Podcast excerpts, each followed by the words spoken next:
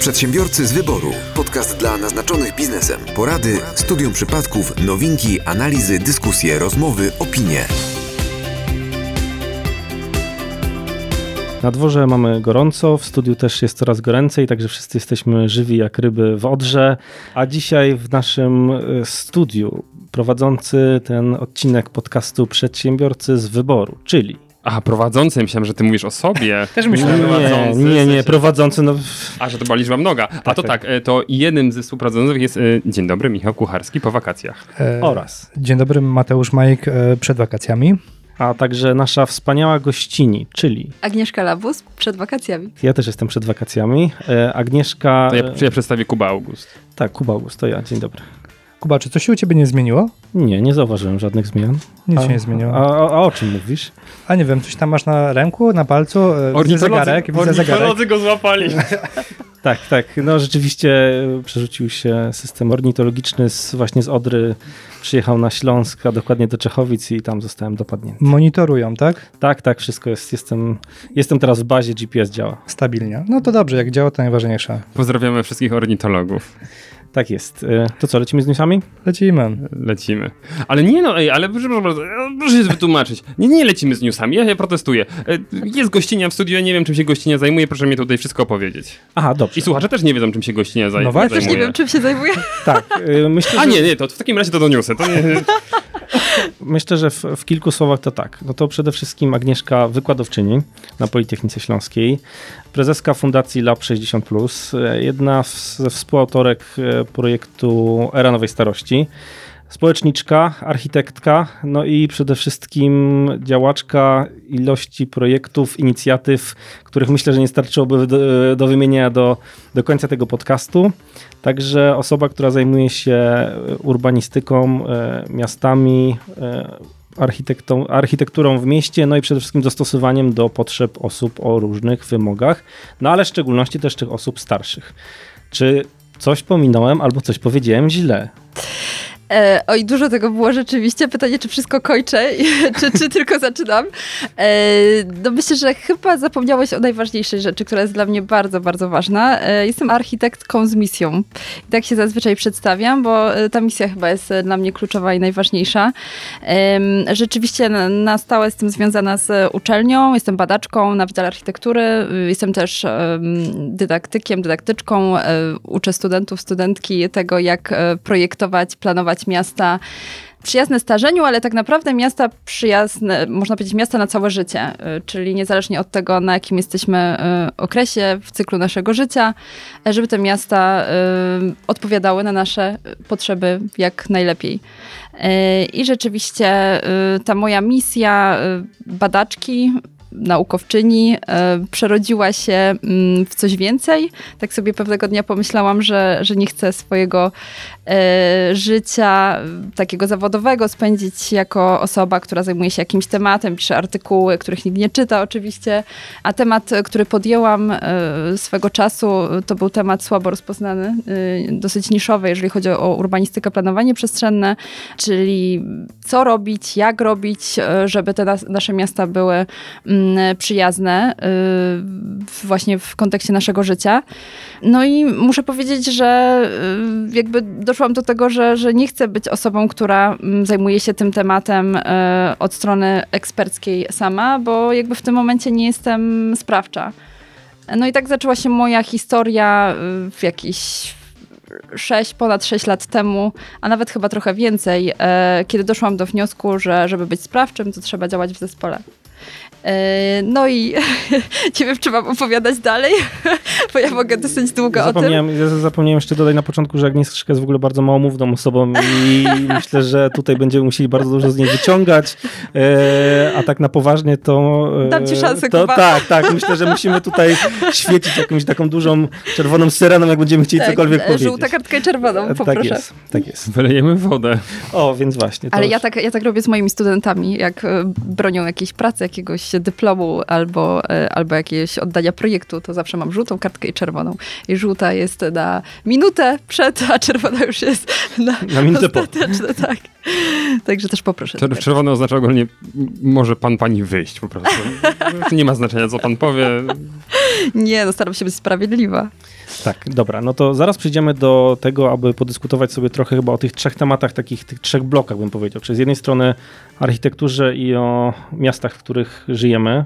Ale E. grypsy rzucasz. Rozmawiamy o architekturze i rozmawiamy w blokach. A, dokładnie. E, taki przekaz podprogowy tam się wkradł. Potem rzeczywiście o tej może dostępności tej przestrzeni, która, która jest, a na końcu mm, o tej starości, tak, o której, którą tę tematykę podejmujesz bardzo, e, bardzo mocno, nie tylko właśnie w kontekście dostosowywania tej, tej przestrzeni, w której, której żyjemy, w której spędzamy czas, ale w ogóle do przedefiniowania tego, tego pojęcia, no bo rzeczywiście jest to coś, na czym mocno zwracacie uwagę, a co rzeczywiście w naszym społeczeństwie jest trochę takim e, wyparciem e, w, e, na ten moment. Ale zanim do tego dojdziemy, to proponuję krótką serię newsową. E, Michale, czy chciałbyś się z nami czymś podzielić? Ależ oczywiście. Byłeś na wakacjach Byłem dwa razy, zdążyłem wrócić i wyjechać. i znowu będziesz. A tak, i znowu już planuję. Takim to dobrze, nie? Hmm. Ile on kasy zarabia na tym podcaście? No.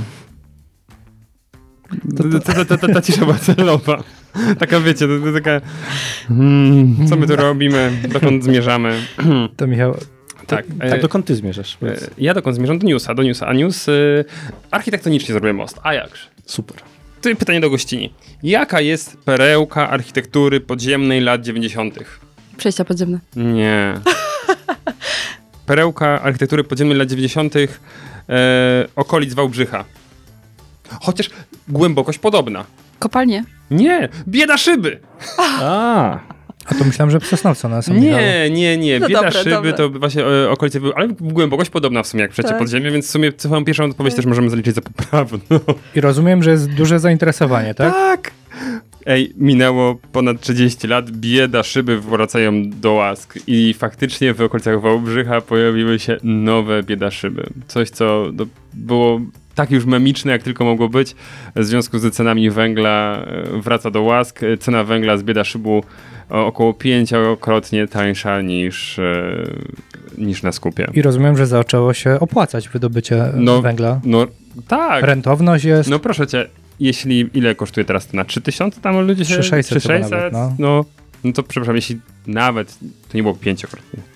Tysiąc by to było złotych, no to proszę cię, przebitka taka, że ten. A a czy jest też jakiś sposób na wydobycie cukru w Wałbrzychu? Czy pozyskiwanie jakichś tam plantacji buraków cukrowych? Coś no nie, też tam się pojawiło? mamy dużo, ale to wiesz, e, Ale cukier jest niezdrowy. no właśnie, po co ci ten cukier? Będziemy krócej żyć, jak będziemy go węgiel też jest niezdrowy, No tak. A, i, ale będziemy zimniej żyć. Będziemy zimniej żyć. Czy- także- A Michał- człowiek się tak nie starzeje, jak zimnie żyje. Tak, czy sugerujesz w takim bądź razie, że warto zacząć również gdzieś tutaj w okolicy GOP-u pozyskiwać w ten sposób węgiel? Nie, nie, nie, w ogóle tego nie sugeruję, ale zupełnie zmieniając temat, Mateusz, ty masz może piwnicę u siebie w bloku?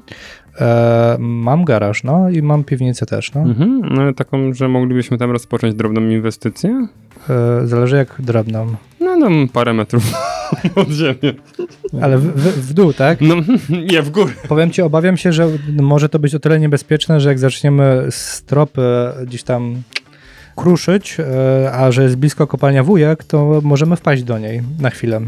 Mhm. No to idealnie. A to w Wałbrzychu może też się znajdzie przy okazji ten złoty pociąg, nie? Bo to chyba tam, tam gdzie w okolicach Oni- Wałbrzycha właśnie się już dawno tak, znalazł. po, powinien ukrywać. Tak. Oni tutaj bieda szyb, bieda szyb, a tam nagle jakiś pociąg. A, cholera, złoto. Na bok odwrócają na sterten, przecież tu jest węgiel, Jakie, węgiel. jakie zło, no, złoto to jest w końcu, nie? Śląskie. No czarne. Czarne. Nie wyobrażam sobie to. Wykopali złoty pociąg, nie ma. Jest haha, hihi. W każdym bądź razie mamy nadzieję, że tej zimy będzie wam gorąco, a jeśli nie, to włączcie przynajmniej raz na kiedy nasz podcast, to na pewno zrobi wam się cieplej na sercu. Nie. Ej, będzie wam gorąco na pewno. Albo raz może być ze względu na temperaturę, a drugi raz ze względu na kurzenie się. No właśnie. Przedsiębiorcy z wyboru. Podcast dla naznaczonych biznesem. Przejdźmy może do słonecznej Japonii. Czytałem ciekawego newsa na Business Insiderze, nie powiem, że mnie za, zafascynował, ale mnie zdziwił. Mm. Państwo, a dokładnie Urząd Skarbowy w Japonii organizuje konkurs. Konkurs się nazywa Viva Sake. Brzmi dobrze. Brzmi dobrze. Yy, jedziemy wziąć udział? E, no, jest czas do 9 września, także jeżeli Dążymy. uda nam się, to jak najbardziej polega to na tym, że mamy znaleźć sposób na to, żeby młodzież i osoby, inaczej, może nie młodzież, ale młode osoby zaczęły zwiększać spożycie alkoholu. O, Bo jest zbyt niskie. I urząd za mało otrzymuje podatków. Z tego tytułu tam jest chyba spożycie na poziomie 8%, patrząc na młode osoby. Także wymyślili tego typu konkurs. Ja mówię czy, będą, poważnie. czy będą też wyjazdy studyjne, na przykład do w Skandynawii, do Polski, na Białoruś, tak? Żeby y, uczyć się, jak można modelowo wprowadzać zwiększanie nie, nie, nie. spożycia alkoholu? Ja myślę, że to bardziej w drugą stronę. Trzeba po prostu tam wysłać y, z jakiegokolwiek y, technikum y, czy ogólniaka wycieczkę szkolną tam, co nie? I nagle im to skoczy z 8 na 80%, prawda? Na przykład, nie? Jakieś takie wizyty studyjne. No na uczelniach często takie Tak, wizyty studyjne Ale to były. naszych trzeba tam wysłać, prawda? No nasze. Ale to jest ciekawe, bo Japonia ma przecież straszne problemy demograficzne i też związane z taką samotnością y, ludzi, to jeszcze jeżeli, do, jeżeli dojdzie do tego jeszcze zwiększanie spożycia alkoholu, to rzeczywiście to brzmi jak plan na świetne takie społeczne y, inicjatywy. Bardzo, nie? No i e, docelowo polega on na tym, że no, osoby mogą zgłaszać swoje pomysły dotyczące albo wprowadzenia nowych produktów na rynek, które rząd później sfinansuje, albo wprowadzenia działań marketingowych, które mają skłonić osoby do świętowania ciągłego.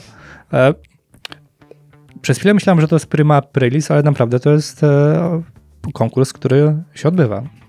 Ale słuchajcie, niedaleko szukać e, w Finlandii ostatnio ministra do spraw e, zdrowia, zdaje się, i opieki e, społecznej powiedziała do ludzi: palcie, pijcie i jedzcie czerwonego mięsa ile chcecie. I wywołało to olbrzymią kontrowersję.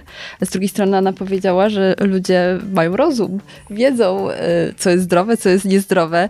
I może czasami też młodzież działa przewrotnie, nie? Jak czegoś zabraniamy, Ale no najbardziej sobie wzięła chyba premier to jej, do, jej rządu do serca, jeżeli chodzi o, sobie o tak. picie i palenie. Przykład biorąc pod, uwagę, biorąc pod uwagę taśmy, które, No jest które ostatnio, wypłynęły. Jest tak. ostatnio głośno, no tak, tak. No tak, ale no kurczę, no ale umówmy się, to jest właśnie takie porządne rządzenie państwem. tak. To, jest, normalność. To jest To jest normalność. normalność.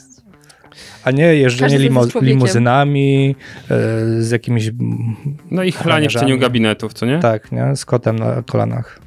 Ja myślę, że już nie tylko w cieniu gabinetu, przecież teraz nie wiem, czy słyszeliście ostatnim em, bardzo hucznym weselu e, wiceministra do spraw rolnictwa na 500 osób i prezencie w postaci ciągnika za półtorej miliona. Tak, tak. E, To już to już nie jest w cieniu gabinetu, już trzeba się pokazać na... A kto to sfinansował? Skarb Państwa? Nie, no absolutnie nie, no brat sfinansował, aczkolwiek e, pojawiła się też e, przedstawicielstwo dealera tego, tej firmy, która produkuje ciągniki, też także e, no, jestem ciekawy, kiedy, kiedy zaraz wyjdzie jakiś e, kontrakt pomiędzy którąś ze spółek Skarbu Państwa. No, związ- zupełnie w niepowiązany sposób tak, dostało tak, fajny nagle kontrakt. 150 ciągników nagle, no. Ale to zupełnie naturalne jest od z pu- punktu pani minister, no gdyby oni nie jedli czerwonego mięsa, nie palili, nie pili, to by ona straciła pracę, no bo co robi minister zdrowia w zdrowym kraju? Dba o zdrowie. No właśnie, no nie, już no nie ma o co dbać, bo wszyscy są zdrowi. Więc ona bardzo, taki instynkt samochowawczy. Tak, tak, bardzo Ale e, w którejś z tych krajów skandynawskich, nie wiem, e, też pani minister zdrowia, z tego co pamiętam, tak e, była, która też nie do końca wyglądała bardzo Zdrowo. zdrowo i tego przykładu tak Nie dawała Nie dawała za Nie oceniaj książki po okładce. Absolutnie Tak tak, nie robię, ale nie wygląda jakby biegała ultramaratony. No tak mówiąc, mówiąc zupełnie wprost. Przedsiębiorcy z wyboru. Podcast dla naznaczonych biznesem. Jak tutaj jechała do nas e, Agnieszka, to mówiła, że też policja sprawdzała na obecność Sakę właśnie, czy, Tak czy wdraża e, dyrektywy rządu e, japońskiego. No a z drugiej strony, jeżeli chodzi o naszą architekturę miejską, no to ja dotarłem do informacji, że rząd przymierza się do wprowadzenia zakazu parkowania na e, chodnikach przez e, samochody. Mhm. E, Czyli tych rzeczywiście okazji do wystawiania mandatów pewnie będzie dość sporo. Jak o tym powiedziałem jeszcze w, off, off, off record wcześniej, to Agnieszka zapytała, że to oczywiście będzie wiązało z budową serii 3000, 3 milionów parkingów. Teraz Nie, będzie program nie, 3, nie, ja- 3 milionów mieszkań zamienia 3 2 miliony parkingów. Nie, no ja tak. się zastanawiałam, ty- czy taka decyzja pociągnie za sobą jakąś alternatywę y, dla rozwiązania tego, co zrobimy z tymi samochodami i gdzie będziemy parkować, czy to jest wręcz polityka właśnie, która ma e, nas e, gdzieś tam przymusić do tego, żeby może w inny sposób korzystać z miasta. Zielona polityka to będzie. Tak, ja Tak, myślę, że jako- absolutnie nie ma to nic wspólnego z, z tym ściąganiem mandatów i dolewaniem do kubeczka, z którego potem tego, z tego kubeczka socjalnie rozdajemy.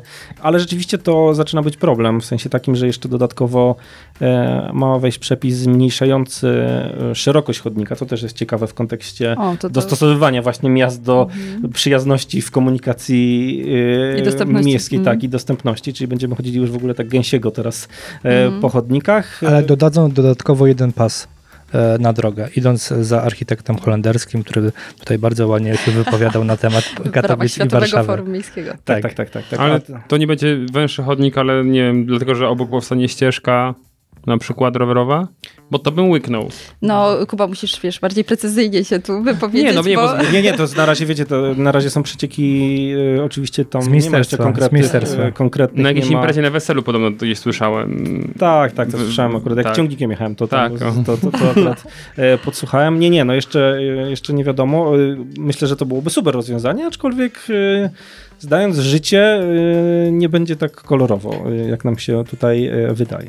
I ja, ja jedynie bym się odniósł do tych mandatów, bo tu mi to coś nie klika, nie? Bo jeżeli rząd by wprowadzał tego typu e, zmiany, a tutaj mówisz, że rząd bezpośrednio, a Straż Miejska podlega pod samorząd, to tutaj raczej oni nie będą chcieli wspierać samorządów, żeby zwiększały swoje budżety, także tutaj coś innego, że tak powiem, jest na rzeczy. Ale to zabiorą po prostu Straż Miejską? Straży, Straży Miejskiej możliwość wystawienia mandatów. I tylko tylko policja będzie- będzie wystawała. Tak, albo Straż Miejska będzie wystawiała mandaty, ale kasa ustawowo będzie trafiła do Skarbu Państwa, a nie do samorządu. I to tą samą ustawą chodnikową wpiszemy. No, na pewno. Może Dobra, tak drodzy słuchacze, my, my teraz oczywiście puszczamy wodze fantazji, tam nic takiego nie, znaczy w sensie o tych mandatach to nie przeczytaliśmy, żeby ktoś nie, nie myślał, że, Że, że tu wiecie, jak, jakaś gruba rozkmina nastąpiła i połączyliśmy sznurki, nie, nie. Ale, ale zwróciliście uwagę na, na poważny problem, e, właśnie związany z dostępnością e, chodników czy przejść, generalnie miejsc ciągów pieszych, tam gdzie się poruszamy na piechotę, w kontekście różnych e, elementów, które nam tą dostępność mogą uniemożliwić. I właśnie parkowanie samochodów e, nie w przeznaczonych e, miejscach jest takim elementem, który rzeczywiście może być no, wyzwaniem dla osób właśnie o szczególnych potrzebach. A mówiąc o szczególnych potrzebach, to mam na myśli nas wszystkich tutaj siedzących, bo jakoś tak do, do tej pory e, cały czas interpretowaliśmy, że te szczególne potrzeby to właśnie osoby poruszające się na wózkach, e, czy osoby z niepełnosprawnością, e, czy o lasce, a tak naprawdę no, my w, w trakcie naszego życia e, na różne sytuacje napotykamy, nawet jak zostajemy rodzicem, to idziemy z wózkiem dziecięcym i przedostanie się często przez e, ciąg pieszy, na którym stoją samochody, albo e, często też latarnie ustawione w środku chodnika, albo drzewa nasadzone, jest dużym, dużym problemem. Tak, no Agnieszka już zaczęła rzeczywiście o tym e, te, temacie mówić. jestem niecierpliwa bardzo. Tak, tak, dobrze. Także no, no trudno, musimy przejść.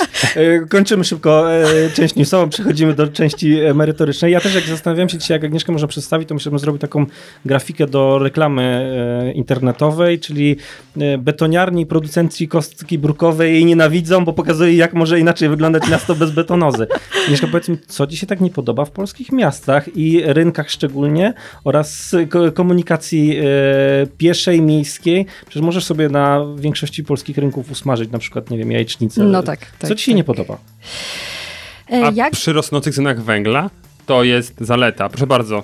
Ja generalnie jestem w ogóle życiową optymistką i bardzo wiele rzeczy mi się y, z natury podoba, więc to nie jest tak, że jestem tutaj pesymistką i, i po prostu wszy- wszystko jest B i, i niedobre w polskich miastach, bo uważam, że tak nie jest. Natomiast to, y, dlaczego mm, wiele przestrzeni w polskich miastach y, wygląda tak, jak wygląda, a jak wygląda, no nie mamy ładu przestrzennego, nie mamy mm, odpowiedniej estetyki wyposażenia tych przestrzeni, e, jeżeli chodzi o, nie wiem, elementy małej architektury, które są dobrej jakości, które mają nam służyć na lata, które są ponadczasowe.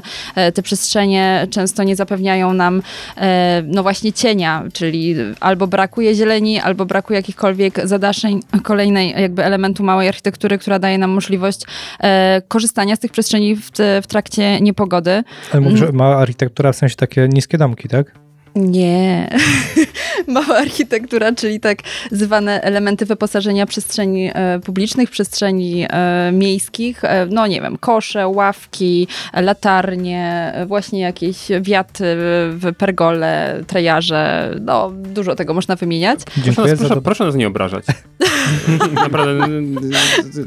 Zapraszasz gościa i do jakiegoś, nam grozi jakimś Czekaj, bo ja triatlonem. teraz sprawdzam, co to znaczy, No żeby móc odpowiedzieć. No trejarz to, to jest taki pojęty jak w pergole. Kojarzycie pergole? Czyli Tak, takie tak. elementy drewniane, powtarzalne, a trejarz to jest po- pojedynczy taki element. Mhm. Taki, na którym na przykład e, sa, sadzi się zieleń. A, Taka ściana? E, No taki, tak, nie, no taki profil może być metalowy, może być drewniany, taka rama, Taka rama. taka no. rama. To nie można Ale powiedzieć powie- taka rama z, z bluszczem? No, zazwyczaj ym, wykształciliśmy w naszym języku określenia pojedyncze, na przykład nie mamy takiego w języku niemieckim, gdzie mamy opisowo po prostu nazwa poszczególna, w No polskim są, dokładnie. ale właśnie nie, w języku Ale zaraz, zaraz, są, jeszcze, są, jeszcze chciałam zwrócić tak. uwagę na je- jeden element, a propos elementów małej e, architektury. No to te wszystkie takie standardowe. Ale brakuje też e, w, w sposobie myślenia o, o tych przestrzeniach właśnie takich elementów małej architektury, które mm, jednoznacznie nie narzucałyby od określonej funkcji. Mam na myśli em, element, który y, z pozoru jest intrygujący, może wyglądać jak rzeźba w przestrzeni, ale z drugiej strony jest funkcjonalny i możemy z niego skorzystać w różny sposób. Może być elementem siedzącym, może być elementem, gdzie możemy się podeprzeć, a może być elementem, gdzie na przykład... y, Możemy jakąś- spożyć. Możemy spożyć, tak? Albo możemy y, jakąś aktywność fizyczną y, uprawiać przy nim. Więc y, to wielofu- wielofunkcyjność, elastyczność myślę, że jest takim e, nurtem w ogóle, w którym powinniśmy myśleć też o, o tych przestrzeniach, dlatego że właśnie jesteśmy różni, że mamy różne potrzeby. Y, Wyznaję taką zasadę, że jeżeli patrzymy, czy projektujemy przestrzeń e, publiczną e, w sposób taki zróżnicowany, gdzie widzimy, że potrzebne są jakieś strefy ciszy, ale też strefy aktywności i ta przestrzeń jest różnorodna, to jednym słowem każdy z nas gdzieś w tej przestrzeni znajdzie coś dla siebie. No i jeszcze bardzo ważny element, e, dostępność do toalet. To jest, uważam, klucz e, dobrej przestrzeni e, publicznej, o których bardzo często, no niestety w naszych polskich miastach zapominamy. Wystarczy iść na jakiś skwer, placyk. To też powoduje, że pewne grupy czują się wykluczone z korzystania z takich przestrzeni. Mam tutaj na myśli rodziny z małymi dziećmi, czy właśnie osoby starsze. A zwrócę uwagę na, na taki aspekt, że osoby starsze na przykład nie chcą wychodzić do przestrzeni publicznych e, w obawie, że nie będzie toalety, a jak już wychodzą, to mało piją. No bo będą musiały załatwić tą swoją Tak, potrzebę. tak. A to wiąże się z tym, że y, zwiększa się ryzyko zapadania na choroby dementywne, na Alzheimera i tak dalej.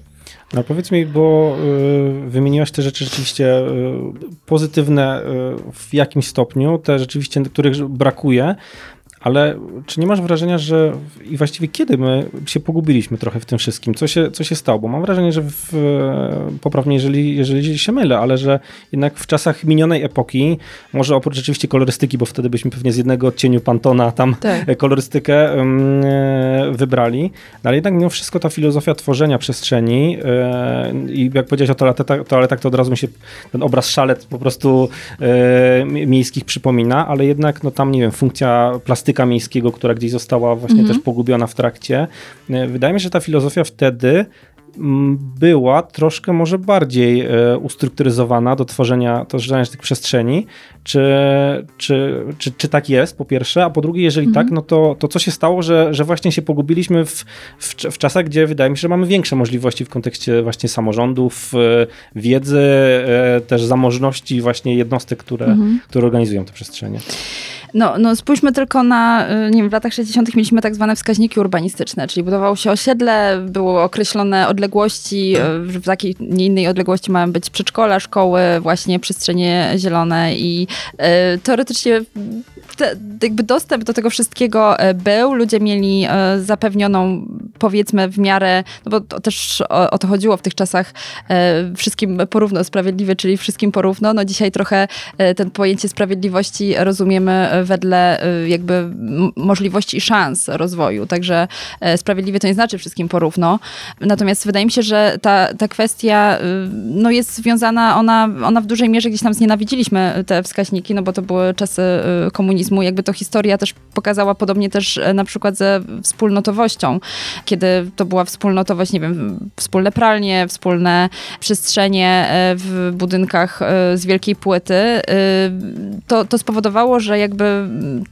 to, to, to ta wymuszona wspólnotowość, te pokolenia, które to pamiętają e, i pamiętają te czasy e, komunizmu, one mm, niespecjalnie jakby chcą e, w, dzisiaj, kiedy mówimy o powrocie, gdzie historia trochę zatacza koło, ale daje mm, może nowe wartości, no bo tak jak zwróciłeś uwagę, mamy rozwój technologii, rozwój no, wielu obszarów naszego życia, co mogłoby mm, przyczynić się do tego, że rzeczywiście powinniśmy iść w dobrym kierunku, ale gdzieś mimo wszystko ten, ten styk, myślę, że żyjemy w takim specyficznym też czasie, kiedy e, jeszcze ten nasz taki stary model y, myślenia w ogóle w planowaniu miast e, nie nadąża za tymi trendami, zmianami społecznymi, za tą dynamiką, która się dzieje.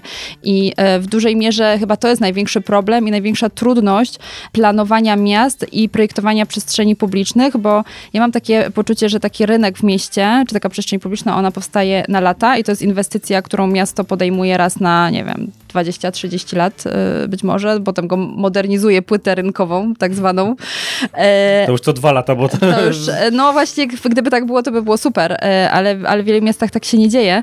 Więc jakby decyzja, jak taka przestrzeń kluczowa w mieście powinna wyglądać, no to jest pewne poczucie odpowiedzialności i też tego, jak nas ocenią, no powiedzmy nasze w, w, dzieci i nasi wnukowie, no bo jeżeli ta przestrzeń powstała w latach 60. i ma pewne atrybuty tego, że można by było mówić o przyjazności tej przestrzeni, no to mimo wszystko y, dzisiejsze y, potrzeby i wymagania się zmieniają, y, bo spójrzmy tylko na projektowanie przestrzeni takie bardzo jakby schematyczne. Ja zawsze podaję ten przykład, ale identyfikując potrzeby różnych grup wiekowych, bo, bo tak, taki model gdzieś tam nauczania cały czas e, dominuje, czyli nie wiem, coś dla osób starszych, coś dla rodzin z dziećmi, coś dla osób młodych. Na przykład osoby starsze, y, młode pokolenia studentów, y, prostu do, z aktualnych lat, y, projektując park, jako, jakąkolwiek przestrzeń, identyfikują te potrzeby w taki sposób, że osoby starsze potrzebują stolików szachowych w tej przestrzeni i siłowni na świeżym powietrzu. I dla mnie to jest, y, po prostu ręce mi opadają, bo to jest tak odgórnie projektant wie, że to jest taka grupa, która tego potrzebuje. I wydaje mi się, że w tej ewolucji też sposobu myślenia, to o czym ty mówisz, e, co takiego mm, nie, nie działa albo co, co teoretycznie powinno się zmienić, no to właśnie ten etap przedprojektowy. My y, te wskaźniki urbanistyczne i to, co działo się w latach powiedzmy 60., n- nikt tak do końca nie badał potrzeb ludzi. To było gdzieś tam narzucone odgórnie. Y, To też przez to znienawidzone. A, a dzisiaj gdzieś to spojrzenie jest takie, żeby, y, żeby jednak y, współprojektować, żeby włączać różne grupy, do których ta przestrzeń ma tak naprawdę należeć i y, które mają prawo korzystać z tej y, przestrzeni. Y, więc to jest jakby kluczowe, bo, bo jakby na tym etapie, to jest bardzo istotny proces, bo na tym etapie ludzie się poznają, ludzie się docierają, ludzie utożsamiają się z tą przestrzenią, chcą o nią walczyć. Y, to jest po prostu taki na, naturalny instynkt, więc, e, więc wydaje mi się, że, że to, jest, to jest coś, czego naszym polskim miastom brakuje, czyli tego etapu przedprojektowego w, w wielu projektach. To jest coś, za co uważamy, że to jest coś ekstra, więc jak coś jest ekstra, to możemy to wywalić, bo, bo w sumie i podraża nam to koszty inwestycyjne i, i w sumie to tak naprawdę, no trochę tak jak z, z procesami partycypacyjnymi, one niby są, one niby funkcjonują, ale zazwyczaj nikt się nie zastanawia nad tym, jakie realne dane te, y, te procesy zbierają i czy rzeczywiście to jest przydatny materiał i czy, i czy dobrze jest przeprowadzony ten proces, żeby y, dostać z tego miarodajny efekt, czy to jest po prostu zrobione na takiej zasadzie, żeby to odhaczyć, żeby, żeby swój, swój obowiązek zawodowy zrealizować, bo się to ma odbyć, nie? Myślę, że generalnie, por- już Mateusz oddaje głos, ale myślę, że generalnie problem problem e, konsultacji społecznych w Polsce Tak, raczej jest tak. na bardzo niskim, Niskim poziomie, poziomie. tak. E, To więc właśnie to zrobione w 10 godzin mamy na, e, Tak. na to przed złożeniem projektu No, i to jest tak taka dalej. kula u nogi, nie? No dokładnie. Musimy to zrobić, no więc no, jest taki wymóg, więc no, ale Mówimy nikt... o konsultacjach społecznych, a co dopiero o badaniach Tak, e, właśnie, tak, tak, potrzeb. właśnie. Tak. Tak, tak. Ja tak jakby, może nie klamrą, bo nie chcę na razie nic spinać, ale to o czym powiedzieliście, ja sobie od razu takie kilka obrazów przywołałem, część widzę nawet przed sobą na, na laptopie. Temat był e, toalet, nie? E, przykładowo, no i tutaj od razu patrzę, jak to tam w Katowicach wygląda przykładowo, ile to kosztowało, ale już nie do tego mm, nawiązywał. Mm, ale przypomniał mi się film jeden, który pokazywał ostatnio, w jaki sposób Barcelona zaczęła rozwiązywać problemy dotyczące w ogóle zagospodarowania i wykorzystania potencjału danego miejsca, nie? Czyli nie wiem, czy się z tym zgodzicie, ale Polsce ogólnie wydajemy bardzo dużo pieniędzy, mimo wszystko moim zdaniem, na, na zagospodarowanie przestrzenne. Szczególnie w Krakowie ostatnio te 11 ławek. Na przykład, nie? Każda o wartości 100, 110 tysięcy. Dokładnie. I nie mówię, czy to jest dobrze, czy to jest źle, nie? ale bardzo fajnie właśnie pokazano to na, na jednym z filmów dokumentalnych, e, jak rozwiązała ten problem troszeczkę Barcelona, gdzie zaczęli po pierwsze wyłączać ruch e, samochodowy właśnie z centrum w niektórych dzielnicach e, i wykorzystali na przykład skrzyżowania, e, duże, szerokie skrzyżowania do tego, żeby e, zagospodarować je małą architekturą, gdzie osoby się mogą spotkać, e, po prostu da, dali ławki, dali stoliki, dali jakieś cie, ciekawe designerskie elementy, ale to dużo najprawdopodobniej nie kosztowało. Tam pod spodem widać było, że to jest skrzyżowanie, widać było linie namalowane. To było po prostu na betonie sk- skrzyżowania drogi zrobione, tak? Prawdopodobnie w Polsce byśmy to zerwali, byśmy e, stworzyli nową przestrzeń i tak dalej, gdzie prawdopodobnie ona byłaby dużo droższa, być może by nie spełniała tych wymogów, a tutaj można było i prawdopodobnie Barcelona w ten sposób poszła, test. Czy społeczność w ogóle zaakceptuje tego typu miejsce, czy będzie chciała się w tym miejscu spotykać? No i chce, tak? I wykorzystują bardzo niskim nakładem kosztów. Znaczy to ty jeszcze dodałeś do tego etapu projektowego, o którym, Ty- którym tak, Agnieszka powiedziała, dodałeś jeszcze prototypowanie. etap prototypowania, Czyli który już w ogóle... Czyli, czyli tak. tak, tak, czyli właśnie, e, czyli e, z jednej strony zaniedbujemy etap badawczy, tak? Tak. E, etap prototypowania też często nie występuje, bo tak samo jest ze ścieżkami, na przykład, na przykład właśnie w Skandynawii, jak na jednym z uniwersytetów, zanim zrobiono ścieżki właśnie z, no wybrukowano po prostu takie chodniki, e, to po prostu było zwykły, zwykły plac żwirowy taki, e, no i tam zobaczyli, jak po prostu naturalnie przebiegają te ścieżki, którędy ludzie chodzą i w tych miejscach po prostu potem zrobili te ścieżki, bo u nas w większości wygląda tak, że są porobione chodniki jak Pac-Man trochę, że musielibyśmy chodzić po prostu e, tylko 90 stopni e, i, i rzeczywiście ten etap takiego testowania, prototypowania u nas e, słabo funkcjonuje. Dwie Ale rzeczy. funkcjonuje. Dwie rzeczy. I dlatego właśnie całe rynki są wybetonowane, bo możesz chodzić w dowolnym kierunku. A, Dostrzegasz takie to jest sprytne. No nie pomyślałem. o tym. No, widzisz. Widzisz. No, a potem, ej, bo ścieżka jest krzywo. A tak, to możesz iść w każdym kierunku. Słuszna uwaga. Tak, to jest jedno. A, a drugie właśnie, to co mówicie, ja, ja też mocno to sprowadzam do mentalności. I to zarówno z tymi konsultacjami społecznymi, bo jak dla mnie problem z konsultacjami społecznymi jest zarówno w tym, że osoby, które powinny je organizować mają je gdzieś, jak i uczestnicy tych konsultacji mają je gdzieś. Więc no, Nie To uda się to nie po uda prostu. się po Wiesz co, prostu. to- się- ale no, no po- powiedz, a ja nie się- chciałem to powiedzieć, że z czego wynika, e, bo bym e, nie, nie widział tak dużej winy w użytkownikach, e, w sensie w, w nas wszystkich, że mają gdzieś konsultacje społeczne. Problem jest taki, jak nawet często my gdzieś rozmawiamy w, w projektach takich bardziej społecznych, że ludzie potem wyrażają swoją opinię, wyrażają swoje zdanie, co by chcieli, jakie mają potrzeby, a potem to nie jest realizowane, nie jest to wdrażane. W związku z tym ktoś już po prostu po, po piątym razie stwierdzano, po co on ma cokolwiek wyrażać, jakieś swoje, swoje potrzeby, swoje oczekiwania, kiedy i tak nie jest wysłuchiwany, no bo te konsultacje są po prostu często robione, gdzieś na małym druczkiem potem są te uwagi, które są niewygodne w, w, w procesie inwestycyjnym czy projektowym. Nie? No, tutaj myślę, że możemy dyskutować. e, No pewnie tak. No. Na, na, tak. Jak dla mnie to jest kwestia mentalności i co świetnie pokazuje przykład e, z Korku. Kiedyś e, brałem udział w takim projekcie urbaktowym Playful Paradigm i tam chodziło ogólnie o to, jak w mieście się można bawić, tak? Że miasto oddać użytkownikom i tak dalej. I Kork zrobił coś, co w ogóle wywaliło e, moje myślenie o mieście do góry nogami, a szczególnie o takim polskim mieście. Tam zawaliła się kamienica w centrum miasta. Przykład. Myślę, że każde z y, śląskich... Proszę? Bytom. Tak, myślę, że każde ze śląskich, zagłębiowskich miast miało taki e epizod już za sobą, prawda? I co by się stało w Polsce w takiej sytuacji? Ogrodzilibyśmy teren i tak, to, było, to była główna ulica w centrum miasta, tak? No za- zamknęli ulicę, prawda? Wjechali koperkami i tam porobili. Oni zamknęli drobny fragment tam, gdzie faktycznie było niebezpiecznie i działali na nim, a z racji tego, że całą ulicę trzeba było zamknąć, no bo nie była przejezdna, to po całej ulicy rozstawili ławki, kredy, zabawki i dzieci wypuścili tam po prostu. Co nie? Typowo oddali, zrobili z ogromnej ulicy plac zabaw. No stwierdzili, tak, auta nie będą tam jeździć, no to albo będzie po prostu stała pusta, albo zrobimy z niej coś fajnego. I w, faktycznie na czas remontu stała się to przestrzeń do zabawy. I dzieciaki się naprawdę świetnie bawiły, no bo wiecie, duża, szeroka ulica i, i zostało, wy, wy, miasto tam dostarczyło po prostu trochę sprzętu do tego, żeby, żeby się pobawić. I tak auta tam nie, tam nie mogły jeździć, no to Tylko halo. wiesz, jakie jest, jakie jest ryzyko później? Bo pomysł fajny, ale ty później musisz tym dzieciom zabrać to miejsce z powrotem. I jak im to Eee. wytłumaczysz, że już nie będą się bawiły tam na ulicy? nie pamiętam epilogu tego, ale nie wiem, czy oni czas, czasem na podstawie tego nie stwierdzili, że a może auta tu nie wrócą. Okej, to byłoby wtedy w porządku. E, po remoncie. Ale nie, nie, nie, to, to teraz do, dopisuję, bo ja nie wiem, czy to, czasem to był ten case, bo tam omawialiśmy kilka różnych i, i wiem, że był, był motyw, że właśnie, że to jest fajne, żeby ludzi przyzwyczaić, że no w sumie tam auta nie muszą wyjeżdżać, prawda? Mhm. Ale wiecie, opowiadaliśmy wcześniej o tym, że ulice coraz węższe. Jaworzno jest chyba przykładem miasta, które fajnie wprowadziło, mi się, mi się podoba ta, ta stwierdzenie tej filozofii. Pierwsze pytanie to jest, jaka ilość ofiar śmiertelnych na ulicach naszego miasta jest akceptowalna? Zero. Zero. Super. No skoro zero, to musimy zrobić tak, żeby nikt nie ginął. Więc będziemy zwężać ulicę, bo wtedy auta będą jechali, jechały wę, yy, Wolniej. wolniej. Wężej Be- też. Tak, wężej, wolniej, tak.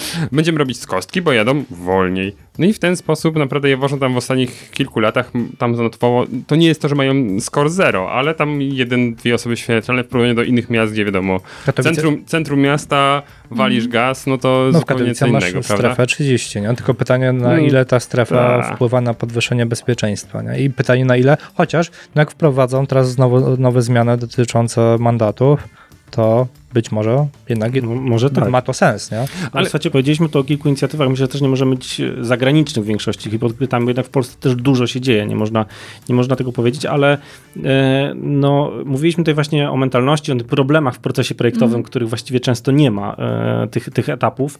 E, no ale z czego to wynika właśnie? Czy to jest kwestia właśnie, nie wiem, niewiedzy wystarczającej urzędników, jak to, jak takie procesy inwestycyjne prowadzić, czy z właśnie, nie wiem, z różnych grup interesariuszy w danych przestrzeniach? E, jak, jak myślisz, e, z czego, z czego to się bierze? Znaczy ja myślę, że to jest bardzo złożony e, problem i mm, z jednej strony tak, urzędnicy pochłonięci są codziennością i to trzeba jakby sobie powiedzieć wprost. Nawet, nie wiem, w ostatnim czasie rozmawiałam z burmistrzem jednej z gmin, e, który bardzo się ucieszył, że, że chcemy w tej gminie zrealizować warsztaty, bo potrzeba takich inicjatyw, bo oni nie są w stanie we własnych zasobach, w własnym zakresie wyjść poza pewien taki niestandardowy sposób myślenia o, o przestrzeniach. Potrzebują, potrzebują też kogoś z zewnątrz, kto spojrzy obiektywnie też na pewne problemy y, czy wyzwania, które w tej gminie y, występują. Więc wydaje mi się, że brakuje nam przede wszystkim od samego gdzieś tam odpowiedniej edukacji. Y, Wydaje mi się, że jakby kwestia uczenia o przestrzeni czy o mieście powinna tak naprawdę zaczynać się od przedszkola, czyli budowanie świadomości w dzieciach, czym jest to najbliższe otoczenie, czym jest przestrzeń, jakie to, to jakby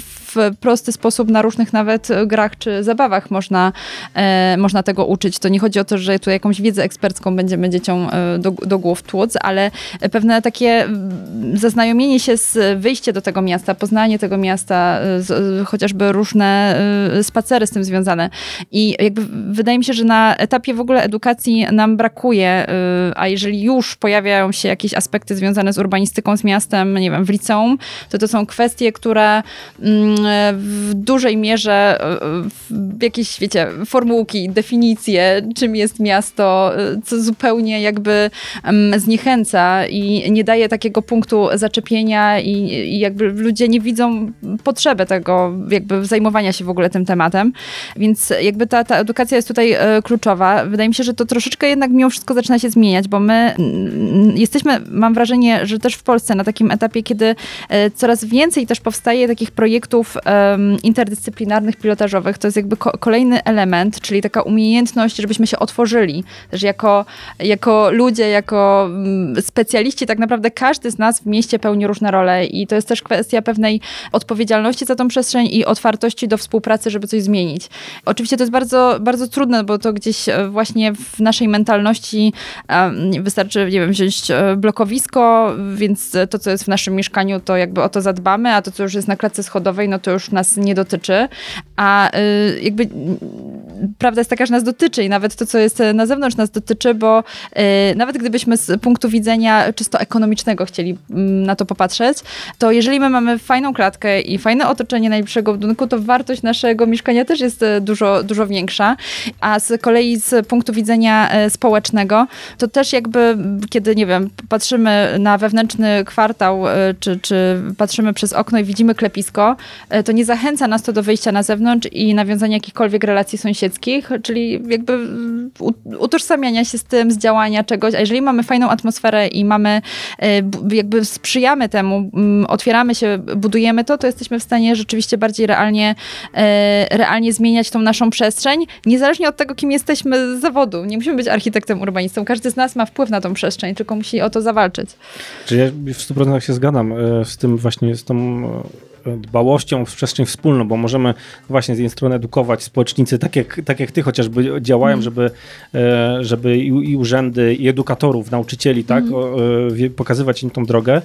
No ale powiedz mi, czy nie jest jeszcze problemem to, że teraz już jak powiedziałeś, że jak wyglądamy przez okno widzimy klepisko, to teraz wyglądamy przez okno i widzimy balkon sąsiada, bo wchodzi temat deweloperki. No, No, i to, to jest jeszcze właśnie 20 metrów, to wiesz, to nie jest od razu, to ma, Ale masz też 20 metrów. e, to, to ja bym takim optymizmem trochę też e, tutaj, e, bo mm, rzeczywiście mm, jakby dominuje już taki, ja już bym to też trochę nazwała, znaczy nie jest dobrze z naszymi deweloperkami, ale też nie jest tak, że z wszystkimi jest tak bardzo źle, więc jakby trzeba na ten problem też, znaczy na to, na, na to w ogóle ten sposób zabudowy popatrzeć dużo szerzej, bo mam też takie wrażenie, że też już coraz więcej deweloperów wie, że klienci nie kupią marzeń, nie kupią świetnej wizualizacji, czyli nie kupią tak naprawdę e, tej wizualizacji, bo budynek jeszcze nie stoi, E, a dopiero jak już powstanie, to się okazuje, że nie ma przestrzeni publicznej, nie ma, e, nie, nie ma podstawowych gdzieś tam dostępu do podstawowych usług, więc mam wrażenie, że mimo wszystko już jesteśmy bardziej świadomi i te decyzje związane z chociażby z zakupem mieszkania, oczywiście nie wszyscy, tak, no ale to jakby jesteśmy różni, więc to nie będzie nigdy tak, że wszyscy będziemy świetnie wyedukowani w tym, ale, ale ja widzę e, postęp e, wynikający z tego, że już nie, nie wszystkie osiedla deweloperskie, już, już nie ma takich, wiecie, takich kiksów dramatycznych, gdzie, nie wiem, ktoś zaprojektował na przykład szeregówkę i e, jest e, ogródek, dosłownie, ja nie wiem jak to nazwać, czy to wybieg dla psa, czy no, z ogródkiem po prostu, który jest e, nie do użytku, czy na przykład właśnie bliskość, tak, kwestia nawet dostępu światła dziennego, czy właśnie brak w ogóle gdzieś wybudowana jakaś deweloperka, w, gdzie do najbliższego przystanku mamy ileś kilometrów, więc to i jakby możemy się tylko poruszać samochodem. Więc mamy wrażenie, że właśnie poprzez to edukowanie, poprzez to, że coraz więcej e, różnych organizacji, ale też e, pewna świadomość, no media, dostęp właśnie do internetu, to, że jakby obcujemy z tym, czytamy, już mamy jakby, jesteśmy już lepsi w ocenie e, tego, co tak naprawdę, jak jest ten właściwy nurt i, i co tak naprawdę, bo właściwy nurt, co tak naprawdę sprawia, że będziemy szczęśliwi, tak? No bo to chyba jest klucz, że będziemy w tym mieście się dobrze czuć, że, że będziemy chcieli z tym e, miastem spędzić resztę życia. No No, to- bo myślę, że to jest mhm. kluczowe. A ta bliskość, Kuba, no wiesz, no 20 metrów to jeszcze nie jest tak daleko do drugiego sąsiada, czasami jest bliżej, ale to zacieśnia relacje społeczne. Jeśli jesteś w stanie pomachać do sąsiada z okna i popatrzeć na przykład, co on je na śniadanie, sam nie jesteś w domu, no to jest po prostu są, są same plusy. Ja nie, ja nie rozumiem o co. Mateusz, Mateusz, to nie wiesz, jak tam mo- mogły być plusy. Jak parę lat temu kupowaliśmy mieszkanie, oglądaliśmy de- od dewelopera w Mysłowicach mieszkania. Powiem ci, całkiem sympatyczny widok z okien salonu, tam kuchni, tej przestrzeni otwartej na las. Sypialnia, tak patrzymy i naprawdę nie przesadzę, 5 metrów dalej, drugie okno w budynku naprzeciwko. No i pytamy, no, no to tak trochę dziwne, co nie? Ona, nie, nie, p- ona, czyli w sensie pani, która nas zaprowadzała, nie, nie, proszę się nie martwić, tam e, państwo też mają sypialnię. Przepraszam. No to idealnie. Ja, ja, ja naprawdę, i to była praktycznie moja reakcja, ja, ja, ja z, z, totalny brecht, tak po prostu wymknąłem, a, ja, a ona, ona taka pełna powaga, co nie? Że to, to nie ma problemu i to mają też sypialnie, prawda? No to to jest zacieśnienie tym bardziej, No to, to już, a ty mówisz mi o wspólnym jedzeniu śniadania, Mateusz. Nie, ale zwróćmy uwagę na przykład na takie trendy, no to jakby mówicie o takich skrajnościach rzeczywiście, żeby to e, wydobyć jak najbardziej wyraziście. Natomiast e, rzeczywiście na przykład w podejściu do projektowania parkingów podziemnych e, zmienił, zmienił się sposób myślenia o tym, cały czas jakby mamy to przeświadczenie, że świetnie jak jest deweloperka, która ma parking podziemny i bezpośrednio sobie wjeżdżamy do tego parkingu podziemnego, potem windą wyjeżdżamy i wchodzimy do naszego mieszkania. Wielka Brytania, która mm, e, można powiedzieć prowadzi jedną z najbardziej innowacyjnych polityk mieszkaniowych e, w Europie, podobnie zresztą Wiedeń, to są państwa i, i miasta w, w, tych, w tych państwach, które mówią o tym, że y, nie, nie, nie, my nie lokalizujmy parkingu y, w podziemiach, my y, zlokalizujmy ten parking, e, znaczy możemy go w podziemiach zlokalizować, ale nie wyjeżdżajmy windą bezpośrednio w trzonie budynku, tylko zróbmy tak, żeby wyjechać w ramach jakiejś przestrzeni wspólnej albo przestrzeni nawet i zewnętrznej, żeby była możliwość e, dojścia z parkingu do miejsca zamieszkania, żebyśmy po drodze spotkali sąsiada, zagadali, nawiązali jakąś relację, więc, e, więc jakby widzimy też pewien, e, z jednej strony jak ktoś powie, to jest, to jest niedogo, niedogodność, nie? że ja tutaj e, mam, Moknę, skracam sobie moknę. czas, tak, moknę i tak dalej, ale z drugiej strony to są pewne zabiegi właśnie pokazujące, jak architekci też, e, jak projektanci, jak, jak też możemy wpływać tą architekturą na wspieranie pewnych relacji, nie? Bo oczywiście wszystko ma swoje plusy i minusy, ale mm, kiedy, kiedy my mówimy, że największą bolączką XXI wieku jest samotność, to jakby ta architektura musi w jakimś stopniu e, wspierać nawiązaniu tych relacji, bo no, to jakby jest udowodnione. Badania pokazują, że e, czy jesteśmy ekstrawertykiem, czy introwertykiem, potrzebujemy kontaktów międzyludzkich. Wszystko zależy od tego, jakich mamy sąsiadów. Czy chcemy ich spotykać częściej, Tak. czy rzadziej. Ale ja bym chciał jeszcze, zaraz powiedziemy, przejdziemy do tych relacji, ale jeszcze powiedziałaś w poprzedniej wypowiedzi, że żeby tworzyć wspólnie y, właśnie przestrzenie, w których i, i kupować, sam lokalizować się tam oczywiście, jeżeli mamy taką możliwość w przestrzeniach, w których chcielibyśmy spędzić całe życie, to w której przestrzeni, w którym mieście ty byś chciała spędzić całe życie? Jakie E, jest ja twoje mam- ulubione miasto? E, Tak, ja zastanawiałam się nad tym oczywiście. E, Powiem tak, moim ukochanym miastem jest Bytom, chociaż nie mieszkam aktualnie w Bytomiu, ale dlatego, że to jest Bytom, znaczy Bytom jest, jak doskonale wiecie, miastem bardzo problemowym i takim, które w tych wszystkich rankingach, nie wiem, no, na z, najbardziej zrównoważone miasto w mieście, no to Bytom ma ostatnie, ostatnie miejsce. Ma dużo wyzwań. Tak, Ma tak. bardzo dużo wyzwań, ale uważam, że to jest też tak, że wiele miast na Śląsku ma bardzo dużo tych wyzwań. No Bytom akurat e, dostał taką łatkę, trochę bezpodstawnie, e, znaczy bezpodstawnie, no ma problemy. Są, są szkody górnicze, tak, e, są sprawy związane właśnie z ekonomią tego miasta, czy chociażby właśnie z depopulacją, ze starzeniem się społeczeństwa. Powiedzmy to, bo to musi wybrzmieć. Bytom jest pięknym miastem, ale trzeba by je najpierw umyć.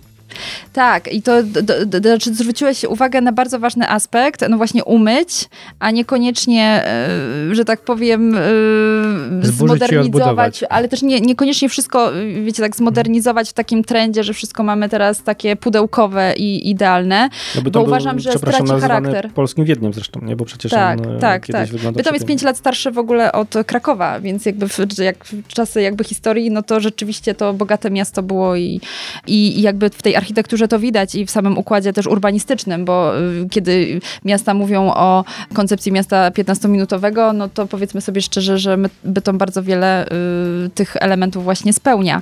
Ale ja jakby tutaj w tym momencie, mówiąc o Bytomiu, myślę absolutnie nie tylko z punktu widzenia jakby architektki, e, myślę emocjonalnie, myślę o moich, nie wiem, wspomnieniach, o, o tym, że się tam rodziłam, wyrosłam, o takiej tożsamości, która jest dla mnie e, bardzo jakby ważna, ale też z drugiej strony jestem taką osobą bardzo nie potrafiącą usiedzieć e, w miejscu, więc e, ja mam takie wrażenie, że mm, e, miasto na całe życie może być też pewnym patchworkiem miejskim. Dzisiaj jakby w dużej mierze mm, widzimy to, że my możemy pracować setki kilometrów od miejsca zamieszkania, bo pandemia nam pokazała jak, i bardzo przyspieszyła pracę zdalną, więc jakby to nie jest problemem.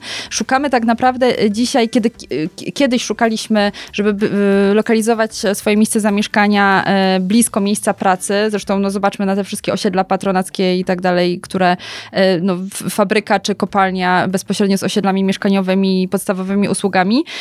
Dzisiaj tak naprawdę tą największą konkurencją jest w tych miastach to, żebyśmy, że, że my szukamy dobrej jakości życia. My szukamy tego, co sprawi, że będziemy czuć się w danym miejscu czy w danym mieście no, szczęśliwi, spełnieni, że będziemy mieli odpowiedni dostęp do tego, co nas tak naprawdę kręci. Jednych będzie kręciła kultura i będą chcieli w takim mieście mieszkać, żeby e, sobie wychodzić e, do teatrów, muzeów i, i będą jakby, to będzie ich miasto na całe życie, a drudzy będą mieli e, na łonie natury, będą chcieli na hamaku leżeć, a, a na pewno też część z nas może być taka, że będzie chciała to zmieniać, że, że będzie miała w pewnym momencie dosyć e, miasta i myślę, że już, już tak się dzieje, że ludzie się przeprowadzają, że na jakąś część e, swojego życia, e, czy nawet na jakieś kilka miesięcy przeprowadzają się w różne, w różne miejsca, czy do różnych miast. Tak, no Więc... No to, to poczucie chyba rzeczywiście miasta bardziej już jako trochę usługi, z której możemy po prostu tak, tak. skorzystać, tak. nie? Po prostu tak. i wybierać różne te miasta właśnie, nie? Tak. W zależności od tego, jakie te w cudzysłowie usługi, tak? E, potrzebujemy. Potrzebujemy i ono oferuje.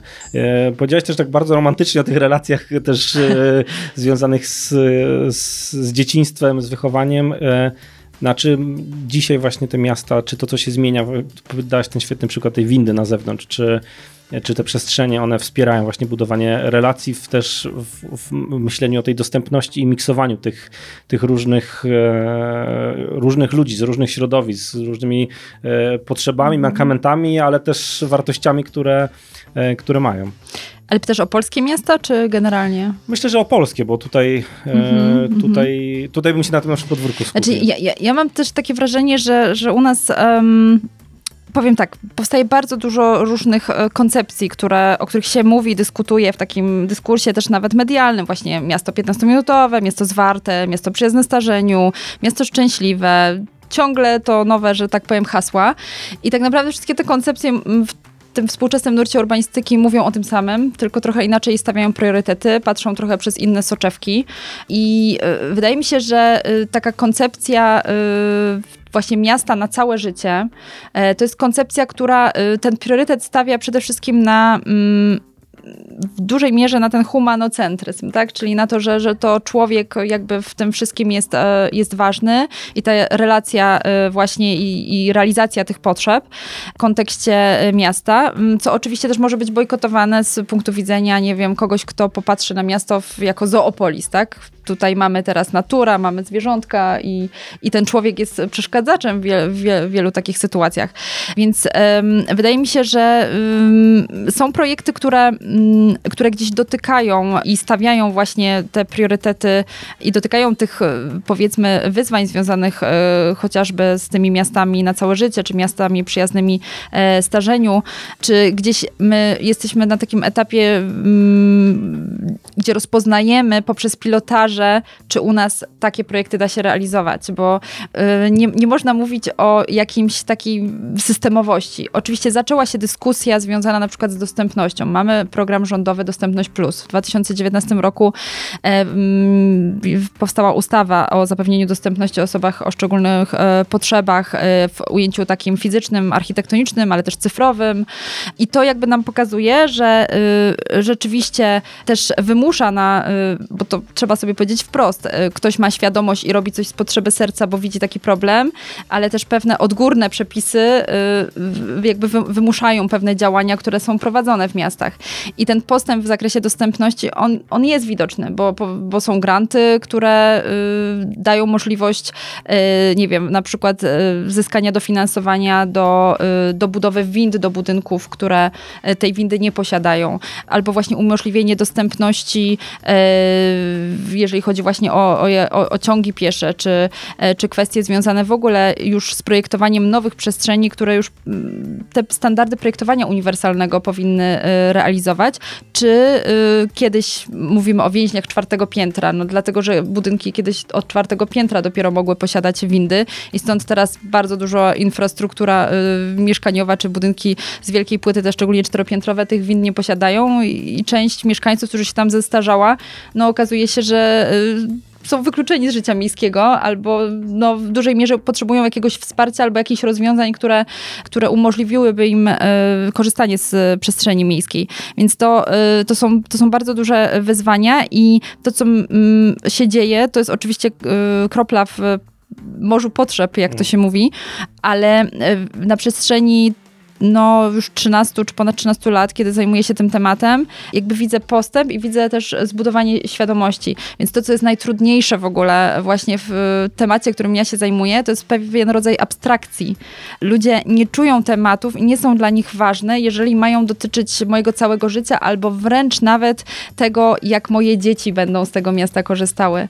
E, jakby my e, często żyjemy tu i teraz i nie jest to dla nas aż takie ważne i priorytetowe, czy te decyzje, które, nie wiem, teraz podejmujemy dla naszego miasta, e, że to będzie miało, że to tak naprawdę zaprocentuje dopiero e, następnym pokoleniom, czy przyszłym pokoleniom. No a z drugiej strony o tym mówi e, ten, to bardzo modne słowo, zrównoważony rozwój miast, czyli ma, mamy dbać o to, co tu i teraz, ale także o przyszłe pokolenia.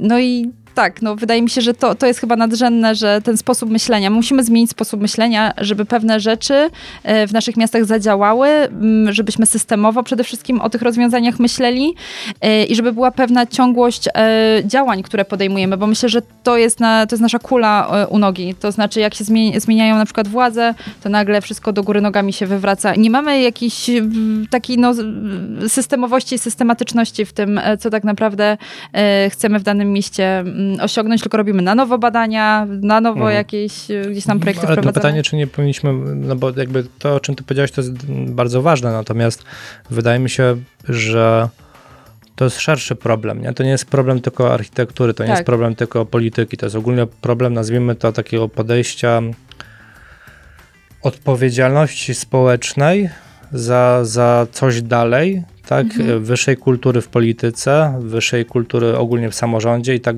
no, w tych wszystkich mm, jednostkach, które odpowiadają między innymi za to, co się dookoła nas dzieje, bo e, jeżeli ktoś kończy swoją kadencję, przychodzi nowy, no to w teorii powinien jednak część rzeczy kontynuować, tak, jeżeli to jest dalekosiężny projekt. Tak, tak. Ale to wynika z kultury. No to jest myślę, że generalnie kultura myślenia strategicznego, której, Nam brakuje, no. której no. brakuje w, i, w, i w, w, takim życiu publicznym, ale w biznesie też, bo, bo działamy tu i teraz, tak, i gasimy bieżące tak. pożary, a nie myślimy, już nie mówię w perspektywie 5-10 lat, ale nawet w perspektywie następnych roku. dwóch kwartałów, nie, czy, czy właśnie roku. E, także w 100% mm. się z tym zgadzam. Ja chciałem dopytać, bo rzeczywiście tych wątków tutaj padło bardzo dużo, ale e, zaczęłaś mówić o no, tej twojej specjalizacji, tak? czyli o, o starości, osobach, e, nie, nie, tylko oczywiście osobach starszych, seniorach, ale też osobach wykluczonych, no ale, ale skupmy się na tej starości, bo też mam wrażenie, że no, w erze globalizacji, mimo tego, że te trendy silver economy i tak dalej są teraz modne. Dużo marek z, zaangażuje też takie osoby, mhm. pokazuje, że różne osoby wykluczone też są tak. w społeczeństwie. No ale mimo wszystko wydaje mi się, że przy tym, e, przy tym pędzie, który teraz panuje, no jednak dalej pokazujemy osoby młode, piękne, e, szczupłe, w, w, mówię w takim mainstreamie, tak? Nie mm. mówię teraz mm. o, mhm. tych, o tych różnych kampaniach, które, e, które też są. I trochę mam wrażenie, że wypieramy przez to e, poczucie tego, że w ogóle będziemy kiedyś wszyscy mm. starzy. Także pytanie jest, czy starość jest taka straszna i czy i jak wy rozumiecie starość? Jak wy staracie się przedefiniować? Ja myślę, że ze starością no, to jest taki temat tabu, jak i ze śmiercią. No, starość to jest ostatni, e, tak definiujemy, że to jest ostatni etap, tak, wiek dojrzały, który, który kończy się śmiercią, czyli kończy się czymś, co dla człowieka przeciętnie jest e, po pierwsze, boimy się tego, czego nie znamy, to raz, a, a druga rzecz jest taka, że mm, e, mimo wszystko jakby patrząc na też e, w ogóle starość w definicji, no nie wiem, wedle ustawy w Polsce, to jest osoba, która ukończyła 60 rok życia. Więc gdybyśmy ma, mieli patrzeć na starość z punktu widzenia metryki, to jest to bardzo bardzo u, Uogólnione. właśnie, uogólnione w kontekście potrzeb takiej osoby. To znaczy, statystyki nam robią dużą krzywdę, bo e, szczególnie jeżeli to potem przenosimy właśnie na ten grunt e, projektowania przestrzeni, e, no bo okazuje się, że no właśnie, ta osoba 60-letnia, no to jest osoba z tymi stolikami szachowymi i tymi siłowniami na świeżym powietrzu. No ale to, to w ogóle jakby spójrzmy na dzisiejszych 60-latków, tu i teraz.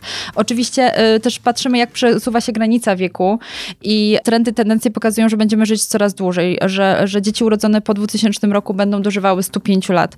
Więc jeżeli my sobie jakby z punktu widzenia nawet e, naszego e, cyklu życia uświadomimy, że kiedyś e, to było tak, że życie nasze podzielone było na trzy etapy, czyli naukę, pracę i emeryturę, no to wyobraźmy sobie, że żyjemy 100 lat i w wieku 60 lat przechodzimy na emeryturę. Znaczy jest to ekonomicznie nie do udźwignięcia, a pod względem nawet naszej takiej samopoczucia psychicznego, czyli takiego wyłączenia z życia, można powiedzieć, bo to wszystko zależy od nas. Oczywiście wszystko jest w naszych rękach, ale z reguły e, e, ludzie mm, jakby w, dużej części e, niestety jakby trafią na taką pracę, która nie jest e, ich pracą życia, która nie daje im satysfakcji i oni jakby e, żyją myślą do emerytury. Więc to jest najgorsze chyba, e, co, co, co, mo- co może się wydarzyć i, i jakby ta definicja starości, no ona może mieć jakby różne rzeczywiście, różne konotacje, różne mm, ale my mocno wierzymy e, jakby w to i posługujemy się też e, jednymi z, można powiedzieć, najnowszych badań. Uniwersytet na Stanfordzie, Uniwersytet Medyczny ostatnio opublikował takie badania, gdzie mówi, że tak naprawdę jeżeli my myślimy, że starość to jest właśnie ten 60 rok życia, nawet metrykalnie, no to jesteśmy w błędzie, bo istnieją trzy progi, kiedy nasz organizm starzeje się najbardziej. W wieku e, 34 lat, w wieku 60 i w wieku 78. No i teraz z punktu widzenia, e, to oczywiście znowu statystyka, tak, że wtedy te progi takie się pojawiają, ale y, no, myślę, że tutaj jakby to nie jest klucz sp- sprawy. Klucz sprawy jest to, jakie my mamy potrzeby i że te potrzeby mogą być bardzo różne, niezależnie od naszego wieku. Oczywiście statystycznie osoby, które będą miały powyżej 80 lat, będą miały większe problemy z poruszaniem się, z, będą, pojawią się dysfunkcje. Zgadzam się z tym, natomiast nie możemy uogólniać i wszystkiego do jednego worka chować, więc można być dwudziestolatkiem i mieć e, też pewne dysfunkcje i też pewne potrzeby, które y, po prostu klasyfikować to wedle, y, wedle określonych potrzeb, a nie wedle y, tego, jaką mamy metrykę. My zwróciliśmy uwagę też na taką aspekt związany ze starością, że wszystkie jakby projekty i to, o czym ty mówisz, ten kwestia marketingowa, ona tak naprawdę dotyczy seniorów tu i teraz. Ona pokazuje oczywiście te przypadki tej aktywnej starości, pozytywnej starości influencerów, tego, że my młodzi patrzymy i, i w sumie oceniamy, no też byśmy tak chcieli. E, I to jest jakaś taka nisza, która się zaczęła rzeczywiście y, mocniej rozwijać. Natomiast y, kluczowe znowu, i to znowu jest projekt, jakby to znowu długofalowe myślenie, jest y, pewne przygotowanie młodych pokoleń do przyszłości. Do przyszłości, której bardzo, któr- którą nie kojarzą ze słowem starość, a tak naprawdę naszą przyszłością jest nasza starość. I e, bo jak sobie myślimy, a w przyszłości, no to, no to ja będę, nie wiem, na jakiejś wyspie siedzieć pod palmą i, i pić drinka, ale jakby bierzemy to nasze ciało, wiecie, za te 30-40 lat tu i teraz w wygodnych butach, a, a to może się zupełnie inaczej jakby wyglądać przyszłościowo. Więc e, kluczowe jest e, przede wszystkim oswajanie i to przygotowanie tych młodych ludzi do, e, do starości, ale też zmiana właśnie wizerunku, to o czym ty mówisz, to jakby nazywa się to ageizmem, czyli takimi stereotypami związanymi e, właśnie e, z wiekiem, że my odgórnie, e, u nas w kraju nie występuje taki znak, ale na przykład w Wielkiej Brytanii spotkałam się ze znakiem ostrzegawczym, który pokazywał postać schyloną z laską, czyli uwaga, tu będzie gdzieś dom seniora, albo w ogóle jakaś strefa, gdzie więcej osób starszych się porusza. I z jednej strony chcieli dobrze, ale z drugiej strony dali łatkę, to jest przestrzeń y, osób starszych, nie? Więc y, to stygmatyzowanie też y, i w przestrzeni, i stygmatyzowanie właśnie przez pryzmat y, architektury, czyli czy, czy urbanistyki, kiedy mówimy o jakichś wioskach czy osiedlach, na przykład 60, plus, y, uważam, że jest czymś, co my aktualnie realizujemy, a już y, wszelkie badania pokazują, że to jest w ogóle zły kierunek myślenia i zły sposób myślenia. Także też na kanwie tych właśnie doświadczeń takich projektowych i tego, co przez 6 lat w Fundacji Lab 60 Plus y, realizowaliśmy, y, realizując różne projekty.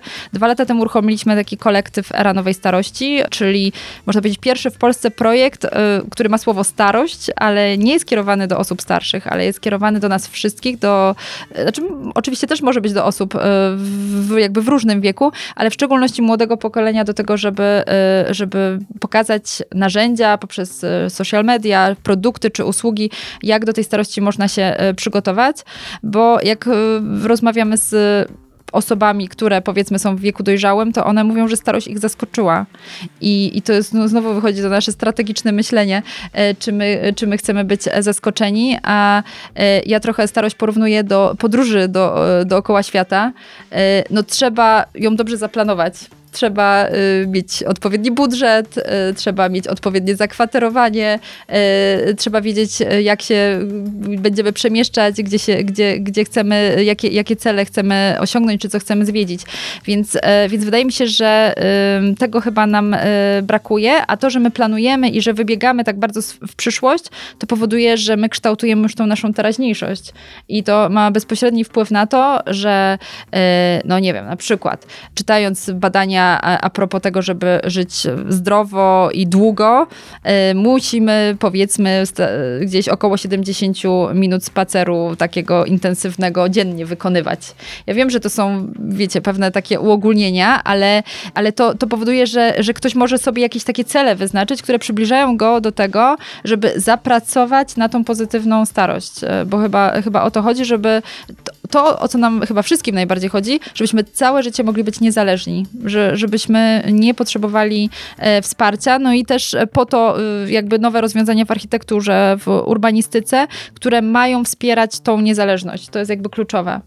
To jest super to, co powiedziałaś o tym przygotowywaniu na trochę na tą niespodziankę, która, mhm. która teraz jest, na, i na to, e, na, na zapobieganie temu zaskoczeniu, bo to rzeczywiście ostatnio oglądałem też taką bardzo fajną debatę psychologiczną e, właśnie z, e, bo oczywiście problemy psychologiczne już no teraz po pandemii wybuchły w ogóle, ale oczywiście one narastały i tak. dostanie się w ogóle teraz do terapeuty dziecięcego to jest w ogóle niemożliwe mhm. praktycznie, ale to jest chyba rzeczywiście problem mediów społecznościowych, które trochę kreują takie awatary ludzi, którzy po prostu pokazują e, jak życie wygląda trochę nierealne.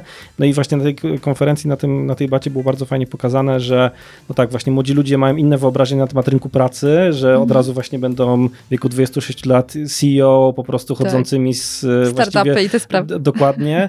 E, potem mhm. na temat życia towarzyskiego, na temat, e, a tak jak mówisz, na temat potem starości, tak? A a życie w ogóle wygląda zupełnie inaczej niż te wyobrażenia. I, i to potem rodzi problemy właśnie psychologiczne też, nie? No bo, tak, tak, absolutnie. E, no bo potem pojawia się jakieś e, trochę zaskoczenie tym, jak, jak to wygląda. I, Zderzeniem. I zderzenie. No więc, e, no więc właśnie.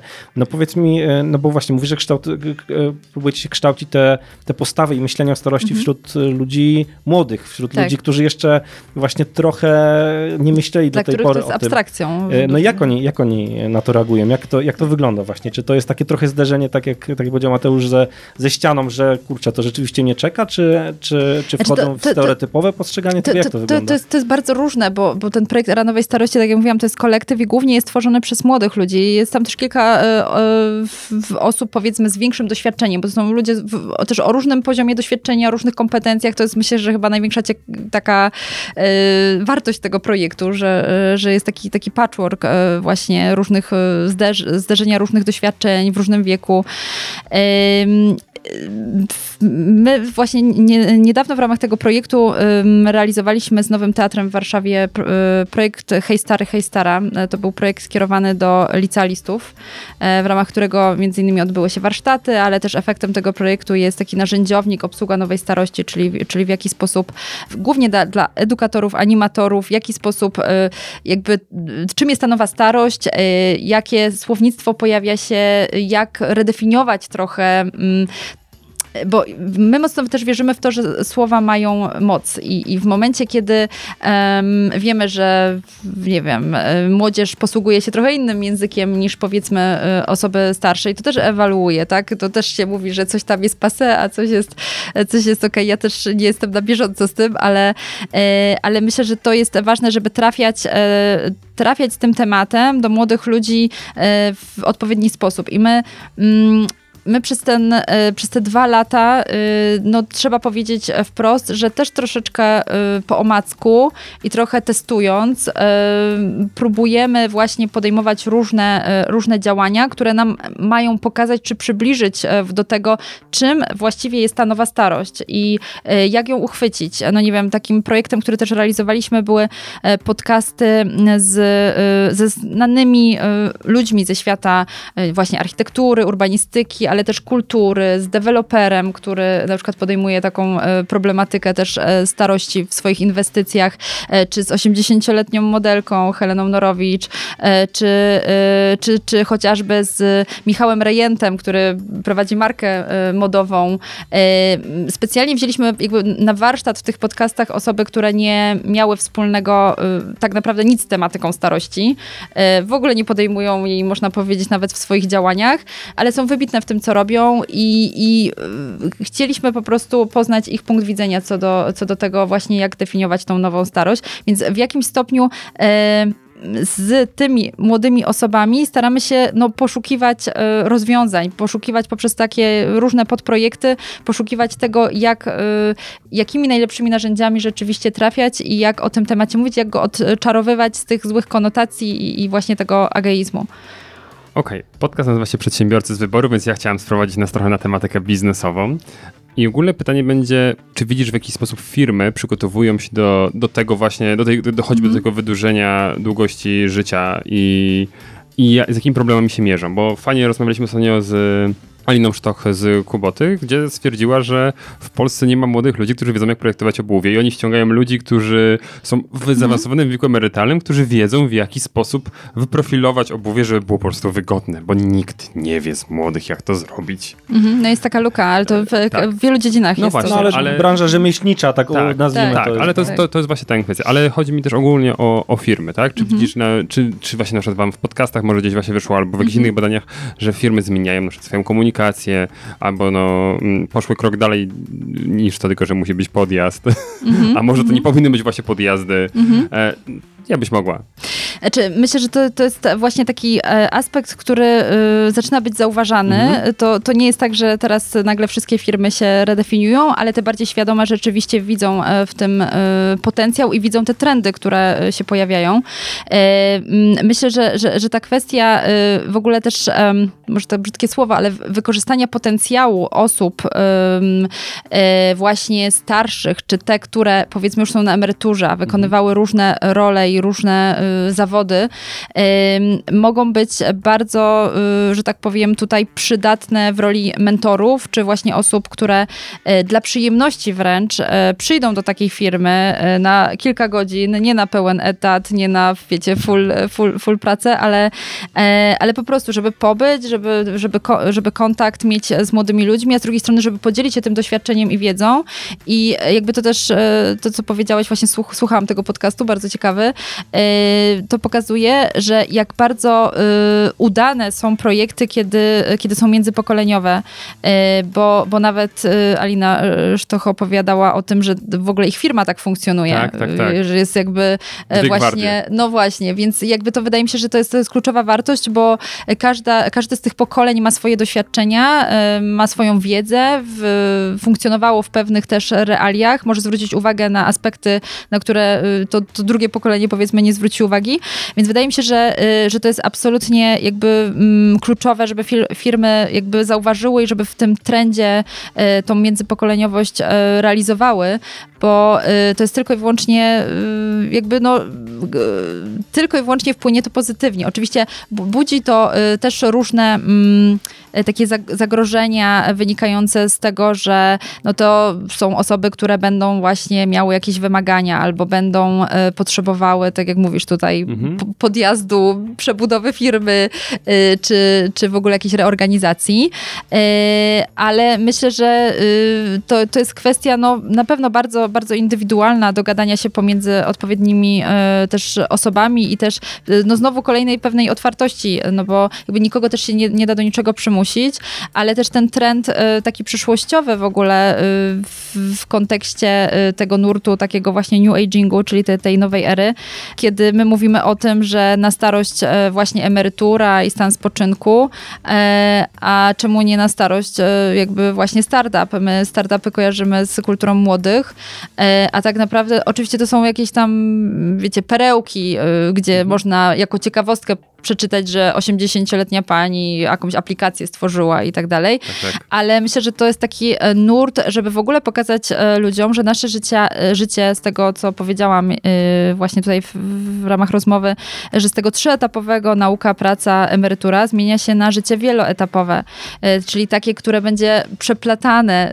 tym czasem, można powiedzieć, ok, nauka, praca, ale też nie emerytura, nie rekreacja, ale rekreacja, czyli redefinicja słowa w ogóle kreacja tego, jak my odnajdziemy siebie.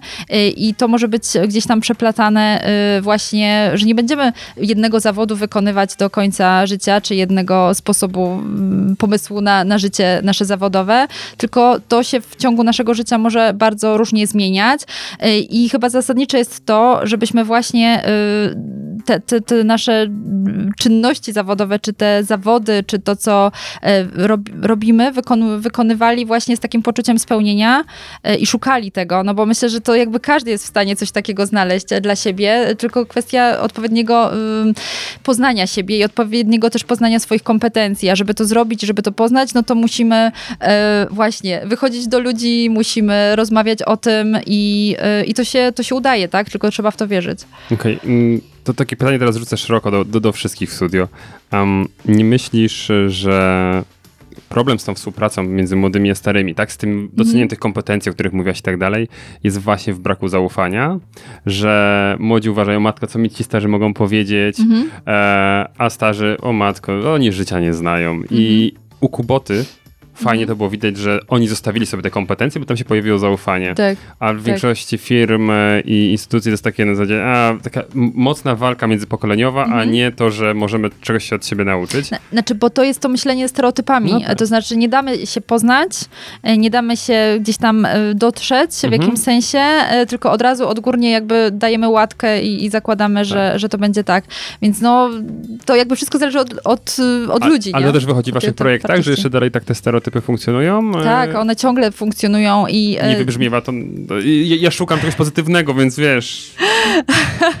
Nie, nie, nie. E, No, po, po, powiem tak, że to naprawdę jest ciężka robota i w ogóle ja się tak czasami zastanawiam, czemu ja sobie to wzięłam na barki, ale, e, ale z drugiej strony ja, ja w swoim życiu w ogóle tak jakby we wszystkich rzeczach, które robię, kieruję się intuicją i, i mi serce podpowiada, że po prostu mam to robić i, i takie mam poczucie, że, że to będzie jakaś cegiełka, e, nawet jeżeli ktoś na końcu oceni, po co na to robiła, to ja myślę, że, że na tym, e, to ja myślę, że nawet jeżeli jakaś jedna osoba gdzieś tam e, zmieni swój sposób myślenia albo gdzieś to przyczyni się e, do, do jakiejś sprawczości, bo ja mówię teraz o, o tej mentalności, bo, bo mam takie poczucie, że w kwestiach e, zmiany e, miasta, czy, czy zmian związanych właśnie z taką sprawczością przestrzenną, to przez te 6 lat działalności fundacji mamy jakieś rzeczy na swoim koncie, gdzie to realnie udaje się wdrażać, więc to, to jest pocieszające, ale to jest oczywiście kropla w morzu potrzeb, e, więc to jakby jest też nie, niedościgniona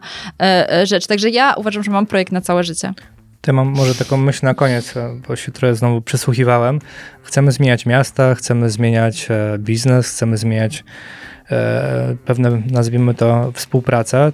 Ale chyba powinniśmy zacząć od zmiany przekonań naszych e, słuchaczy, tak, czyli każdego z nas, zastanowienia się, żeby nie działać właśnie stereotypowo, tylko żeby aktualizować cały czas się się, otoczenie dookoła i na podstawie tego wyciągać pewne wnioski, nie? bo dzięki temu, że będziemy się aktualizować, to będzie szansa na to, żeby właśnie współpracować z tymi osobami starszymi, będzie szansa na to, żeby e, budować bardzo ciekawą architekturę, będzie szansa na to, żeby działać odpowiedzialnie społecznie, ale musimy się aktualizować, bo jeśli nie będziemy aktualizować tych naszych przekonań, no to będziemy działać cały czas na tych samych schematach nie? i się nic nie zmieni. Pięknie powiedziane. Ja bym chciałem coś powiedzieć, ale stwierdziłem, że już nie powiem, żeby nie zepsuć tego tutaj, bo nic mądrzejszego to- już nie to- powiem. To, ja, się, ja się nie krępuję w takim razie. Dobrze, bo ja mam e, pytanie, które nam ładnie zamknie klamrą. A jednak. Oczywiście. Ja myślałam, że to taka piękna puenta. Nie, nie, nie. myślałem. Mateusz miał tą puentę taką, No, to, to wiesz... wciśnijcie Wszyscy się udzieliśmy, no ale Ramku to proszę wyciąć teraz, Boże, to, to będzie boję, po tym. Po tym. Mateusz ma piękną puentę, która wie, to tak, tak, tak podsumowuje, tak to. A ja, a ja muszę mieć coś, co jest w stylu naszego podcastu. Mhm. I to nam pięknie robi most między tą urbanistyką, między tymi pokoleniami młodymi, starymi i sakę. Nie chcę Napijmy się. Chyba, ale proszę. Ale to jest doskonałe. Napijmy się, właśnie. Czy nie uważasz, że motorem, który mógłby spowodować wzrost zaufania między pokoleniem starszym i młodszym, również to, żeby ludzie chętniej wyszli w przestrzeń publiczną i się międzypokoleniowo bratali, byłoby to, żeby skończyć w końcu z tym zakazem picia w miejscach publicznych. E, tak, ja jestem absolutnie zwolenniczką tego. Mm, Także ja, ja uważam, że y, ogólnie rzecz biorąc, to jest trochę w tym nurcie, o, o czym mówiłam o tej pani mister. Palcie, pijcie i jedzcie y, czerwone wino ile chcecie. Y, ja mam wrażenie, że zakazy nam robią często więcej złego niż dobrego i mam takie poczucie, że, że właśnie te, te relacje y, w przestrzeniach publicznych, y, oczywiście zawsze zdarzają się skrajne przypadki i to Ale one się zdarzają jest... nawet, nawet jak jest E, zakaz. No, oczywiście, że właśnie one się nawet zdarzają, kiedy jest e, zakaz, e, nawet mogłoby się okazać, że jakby ktoś przeprowadził badania, że jak nie byłoby tego zakazu, to może byłoby mniej takich e, incydentów, bo my też musimy nauczyć się kultury picia. I wydaje mi się, że to też jest taka kwestia. O to, o to się oczywiście zmienia, bo to w ogóle widać na, na, na przestrzeni, że coraz mniej młodych ludzi, że tak powiem, ten alkohol, nie wiem, za moich czasów studenckich był bardziej, e, e, bardziej popularny niż, niż aktualnie. Tak jak patrzę po, po studentach, ale może się mylę. nie jestem w Znaczy, tym nie, nie, nurcie. badania pokazują, że generalnie, że spożycie Że alkoholi lek, e, Tak. lekkich z, bardzo mocno skacze, alkoholi Tak, mocniejszych prze, e, przerzucili się na inne, spada, na tak. inne używki. Tak, tak. E, Ale tak. Tak, ale to, co chcę powiedzieć właśnie, to, bo mówiliśmy o tym właśnie, żeby razem spędzać czas i tak dalej, to mi się zawsze kojarzy, nie wiem, jak sobie patrzę na jakieś włoskie miasto, Florencja, Tak, coś, tak, tak. jest ten duży plac przed Duomo, coś i tam ludzie ogromnym przestrzeń wiekowa, tak? Od naprawdę starszych, tak, wszyscy Tak. gdzieś tam sobie siedzą, część ucztuje, Tak. część pije tak. i spędzają razem ten czas. To, to jest ta, kul, ta kultura Tak. taka właśnie. A u nas generalnie, no nie możesz wyjść, no bo no, co, co będziesz robił, no co, rozmawiał z tymi ludźmi tak na trzeźwo, przecież tak się nie da.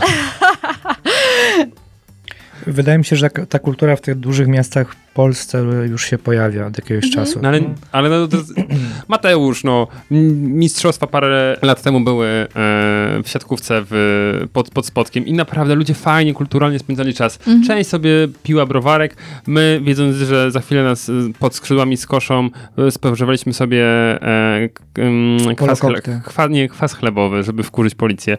I podchodzili do nas i, i już od razu bloczek, dokumenty proszę i wszystko, wiesz, a tutaj kurde kulturka, ludzie kibicują, fajnie się bawią. Tak, jest ten, atmosfera. a wiesz, a tutaj policja, państwo przychodzi. Nieważne, siedzieliśmy międzypokoleniowo, co nie? Znaczy, ta, ta mentalność się zmienia na pewno i jeżeli nawet e, s, sami się nie zmieniamy, żeby tą mentalność Mhm. naszą zmieniać i, i, i społeczną, no to, to trochę na nas to wymusi zmieniający się świat, bo nawet tak odnosząc się do tego biznesu Mm. i tym, co powiedzieliście w tej współpracy w firmach, no to nawet jeżeli firma tego nie chce, to i tak będzie musiała zaraz to zacząć robić, ponieważ demografia pokazuje to, że no, ilość urodzeń tak, tak, tak. Tak. tak drastycznie spada, że, że zaraz będą musieli szukać tych pracowników też wśród właśnie emerytów, e, bo to już teraz pokazuje, no powiedzieliśmy z jednej strony rzemieślników, z drugiej strony znaleźć teraz spawacza, to też jest po prostu nie lada sztuka dobrego, także też te osoby wracają z emerytur, e, tak samo było z nauczycielami, lekarzami, z pielęgniarkami w COVID-zie. No, e, nawet jakbyśmy e, nie chcieli tego albo robili to w sposób zbyt wolny, to myślę, że, że ekonomia, to co się dzieje teraz w świecie, nas po prostu do tego zmusi. No i te relacje społeczne też, e, też w tym kierunku na pewno będą szły. Tak, czy w związku z tym chcesz, nie wiem, zareklamować na przykład swoją usługę dostosowania stron internetowych pod y, potrzeby osób starszych i od- z odpowiednim kontrastem? Ale to już jest wymagane, y, tak? Już od... od Że? A ja wiem, że nie robisz, ale no jejku. To już jest ze względu Ale na, tak na, na, ustawę, na ustawę właśnie z 2019 roku. Znaczy, może nie prywatni przedsiębiorcy, ale właśnie wszelkie e, Jednostki publiczne. jednostki Kolejny biznes. Wiemy, muszą, e, muszą dostosować te strony. Zagłębialiśmy się w te przepisy. Tak, podsumowując, y, rzeczywiście poruszyliśmy dzisiaj bardzo dużą ilość wątków od tego, jak nasze miasta mogłyby i powinnyby wyglądać, po to, jak y, dostosowywać je do tych potrzeb y, osób o potrzebach y, rzeczywiście różnych i badania tych, y, tych potrzeb, identyfikowania ich właściwego. No po rzeczywiście tą naszą finalną część naszego życia w kontekście i kariery i aktywności społecznej, y, fizycznej, także rzeczywiście no dzisiaj ogrom ciekawej wiedzy i, i też takich fajnych przykładów myślę, a nasz podcast dzisiaj tworzyli Michał Kucharski? Mateusz Majk. Kuba August oraz nasza wspaniała gościni. Agnieszka Labus, bardzo dziękuję za zaproszenie. Dobrze, i jakby ktoś cię chciał gdzieś się znaleźć, złapać, to gdzie powinien szukać? W kilku źródłach Fundacja Laboratorium Architektury 60+, Lab 60+, można na socialach, y, można też na stronie internetowej i też z eranowejstarości.pl, również strona internetowa i oczywiście Politechnika Śląska, Wydział Architektury. Pięknie. I zobaczcie, odcinek w tej chwili trwa niemalże 90 minut, tak? Wykład akademicki. Poważnie? Idealnie, idealnie. Także Boże, tak kolokwium na długo. koniec jeszcze tylko i Ja wiedziałam, tak. że będzie długo. E, szanowni Państwo, proszę oddać listę obecności i tym nie wiem, czy ktoś, e, czy ktoś tego będzie słuchał, słuchajcie. Na pewno. I musicie wyciąć część, musicie wyciąć część, bo ja za, zawsze mam dużo Spokojnie. gadania. Cześć, trzymajcie się. Cześć. Dzięki. Przedsiębiorcy z wyboru. Podcast dla naznaczonych biznesem. Porady, studium przypadków, nowinki, analizy, dyskusje, rozmowy, opinie. Otworzymy za chwilę okno. Eee, nie, żeby się nie, nie nagrywało 40 sekund. Dobrze, dobrze, dobrze, dobrze. To, to zaczynamy.